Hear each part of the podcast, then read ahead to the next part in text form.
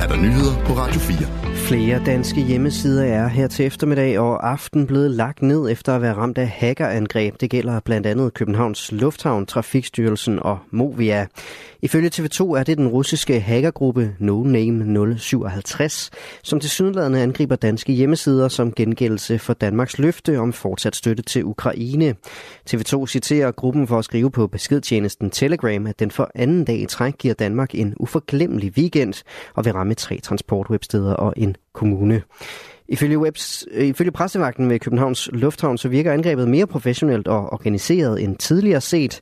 Det er dog ikke mere avanceret end som så, hvis man spørger Jens Mio Pedersen, der er professor i cybersikkerhed ved Aalborg Universitet. Altså, jeg kan forstå mig ved, at det er et overbelastningsangreb, som vi har set. Man kan sige, at det er, det er måske nok mere avanceret end dem, der har været tidligere, men det er stadigvæk kun et overbelastningsangreb. Det vil sige, at man tager en hjemmeside ned øh, midlertidigt, og når angrebet ophører, så kommer hjemmesiden op og kører igen, så der er jo ikke sådan en permanent skade på noget, og derfor synes jeg heller ikke, det, det er jo ikke sådan et rigtigt hackerangreb. Det er mere, det er mere irriterende. Også Tisted Kommune fik lagt sin hjemmeside ned af hackerangreb i dag. Ifølge TV MidtVest er det også russiske hackere, der her har været på spil vedrørende kommunen. Her har angrebet været rettet mod Tisted Lufthavns hjemmeside, har kommunen oplyst til mediet. Og generelt er vi ikke super godt beskyttet mod hackerangreb, fortæller professor Jens Mio Pedersen. Altså generelt er vi ikke godt nok beskyttet mod hackerangreb i Danmark, men det er ikke så meget den her type angreb, jeg er bange for. Jeg er mere angreb, jeg er bange for angreb, hvor man sådan lægger ting ned øh, permanent eller får adgang til systemer og data, som man ikke burde have adgang til at bruge de adgange, enten til at få adgang til personoplysninger eller lægge systemer ned i længere tid. Men de her, de her midlertidige afbrydelser, det synes jeg ikke er så slemt. Og så hæfter jeg mig ved, at man jo har et alternativ. Øhm, for eksempel øh, i Lufthavn, der har man en app, man kan bruge i stedet for at tilgå hjemmesiden, og det er jo med til at reducere konsekvenserne af angrebet. Og det synes jeg egentlig også er fint, at man på den måde kan mitigere et angreb, der, der foregår. En afgift for produktionen i landbruget er ikke nok til at få folk til at købe mindre kød, mener Klimarådet.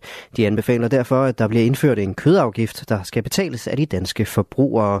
Den skal supplere den CO2-afgift på landbrugsproduktion, som et ekspertudvalg onsdag kom med sine anbefalinger til, det skriver DR. Ekspertudvalget, som ledes af økonomiprofessor Michael Svare, havde ikke med i sine anbefalinger, at der skulle være en direkte afgift på forbrugerne. Klimarådet mener alligevel, at der samtidig skal være en afgift i køledisken til os alle sammen. Det siger rådens formand Peter Mølgaard til Danmarks Radio. Det er fordi vi også ser på det globale fodaftryk for Danmark, og ikke kun på de nationale mål, som Svareudvalget har fokuseret på i særlig grad, siger Peter Mølgaard.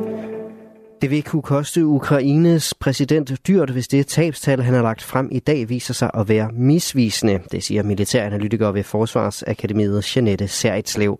Ifølge præsidenten Volodymyr Zelensky, så har 31.000 ukrainske soldater mistet livet under krigen i Ukraine. Men det er første gang, at han offentligt melder et tal ud. Tallet hænger formentlig meget godt sammen med virkeligheden, for det ville være en meget farlig kunst for Zelensky at komme med et tal, som efterfølgende viser sig slet ikke at holde. Hans troværdighed over for både det ukrainske folk og Vesten står på spil, siger Jeanette Sejerslev. Hun forsker blandt andet i, hvordan lande i krig bruger information og misinformation. Hun påpeger blandt andet en afgørende forskel mellem Ukraine og Rusland, som ifølge hende har betydning for, om man kan regne med de informationer, der bliver meldt ud. Ukraine er et reelt demokrati, derfor har Zelensky og myndighederne brug for en anden form for legitimitet og troværdighed i borgernes øjne, end de russiske myndigheder har, siger hun. Med det sagt er der formentlig et stort mørketal og usikkerheder, der betyder, at det reelle tabstal er højere, tilføjer militæranalytikeren. I seks dage har en af de helt store turistattraktioner i Paris været lukket. Det skyldes strejkende medarbejdere, som krævede, at der blev passet bedre på det 135 år gamle Eiffeltårn. Men nu siger operatøren af tårnet, at man sammen med fagforeningerne, som repræsenterer de ansatte, er blevet enige om en løsning, det skriver nyhedsbyrået AP. Således bliver 380 millioner euro allokeret til renoveringsarbejde i 2031. Der bliver desuden stadig forhandlet løn for medarbejderne, der også benytter strækken til at bede om flere lønkroner. Og Eiffeltårnet er normalt åbent 365 dage om året. Sidste år var det lukket for besøgende i 10 dage, mens landet var præget af protester over regeringens pensionsplaner.